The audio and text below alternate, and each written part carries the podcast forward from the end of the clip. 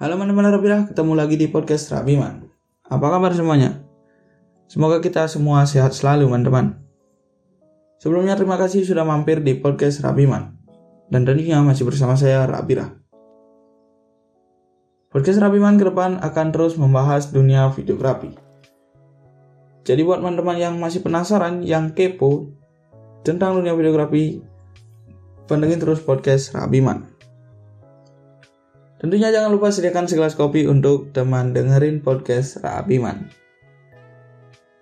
Nah, podcast kali ini sudah masuki episode ketiga tentang dunia videografi. Tentunya teman-teman yang masih awam dengan videografi bertanya-tanya, apa sih fungsi dari videografi itu? Kok banyak orang yang suka melakukannya? Nah kali ini kita akan membahas fungsi dari videografi yang saya ketahui ya teman-teman. Fungsi yang pertama ada pengganti objek, peristiwa, dan proses yang tidak dapat dilihat langsung. Film maupun video menjadi pelengkap pengalaman-pengalaman dasar siswa saat membaca, diskusi, praktek, dan sebagainya. Film atau video dapat dijadikan sebagai pengganti objek yang tidak dapat mereka lihat secara langsung. Contohnya seperti gunung meletus, kereta berjalan, mesin bekerja, dan sebagainya. Adapun fungsi kedua yaitu menanamkan sikap dan segi efektif. Dengan menggunakan video, siswa dapat merasa terdorong dan termotivasi dari film atau video yang menanamkan sikap maupun segi efektif. Film atau video yang terselip nilai-nilai positif di dalamnya juga dapat mencetuskan pemikiran serta pembahasan di antara sekelompok siswa tersebut. Adapun fungsi yang ketiga yaitu waktu KBM lebih efektif. Film atau video yang diproyeksikan ke layar dengan proyektor menggunakan guru untuk melakukan presentasi atau pembelajaran di hadapan banyak siswanya sekaligus. Sehingga dengan videografi sebagai media pembelajaran, jadi waktu belajar mengajar lebih efektif. Nah, dalam kehidupan sehari-hari banyak kejadian yang sangat berarti jika direkam dalam format video. Misalkan kecelakaan, peristiwa alam, pernikahan, dan banyak hal yang lain terjadi hanya sekali saja. Videografi bisa menjadikan bukti yang lebih dapat dipercaya daripada fotografi. Karena detail kejadian bisa terekam frame per frame. Sarana media komunikasi pun sangat diminati dalam bentuk video. Misalnya, video call atau live streaming video.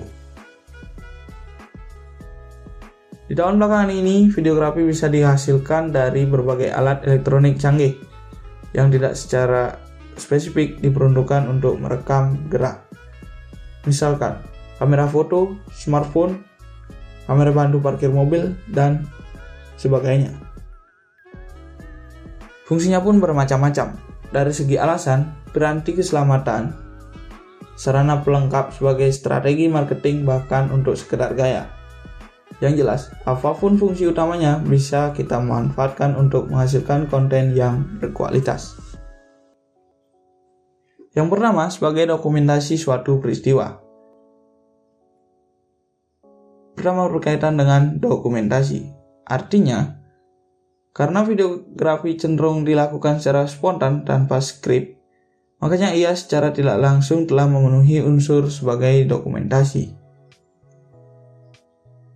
Dokumentasi tentunya dalam bentuk gambar bergerak dan bukan foto. Konteksnya pun tidak terbatas pada satu kegiatan seminar misalnya.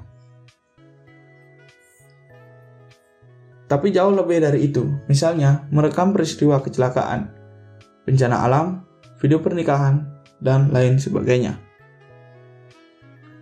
Karena dilakukan secara spontan dan tanpa perencanaan seperti dalam sinematografi, maka video yang direkam dalam CCTV pun masuk dalam kategori ini. Adapun yang kedua yaitu pengganti objek faktual. Objek faktual mengacu pada suatu objek atau subjek yang benar-benar ada, namun tidak bisa dilihat secara langsung atau keberadaannya cukup jauh. Atau mungkin peristiwa gunung meletus yang terjadi di Jepang. kereta cepat yang ada di Cina, pelantikan presiden di Belgia, dan seterusnya.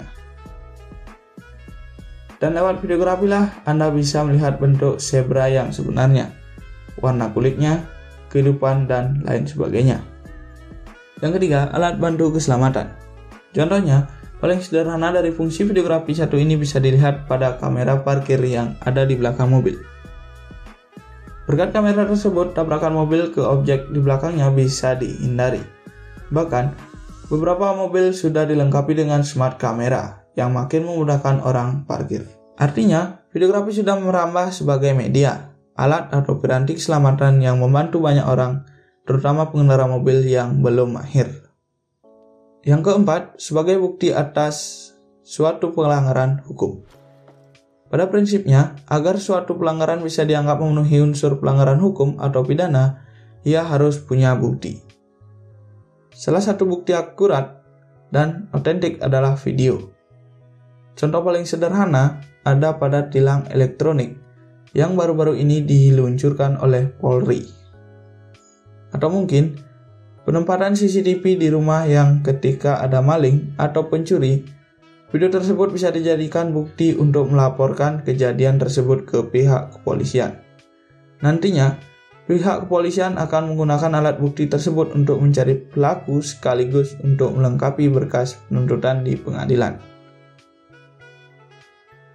Oke, sekian dulu yang dapat Rabira sampaikan. Jangan pernah bosan dengerin podcast Rabiman karena ke depan akan terus memanjakan teman-teman. Semoga bermanfaat. Sekali lagi terima kasih teman-teman. Saya Rabi Rahadi Tempat undur diri. Jangan lupa jaga kesehatan teman-teman. Sampai jumpa di episode selanjutnya. Terima kasih.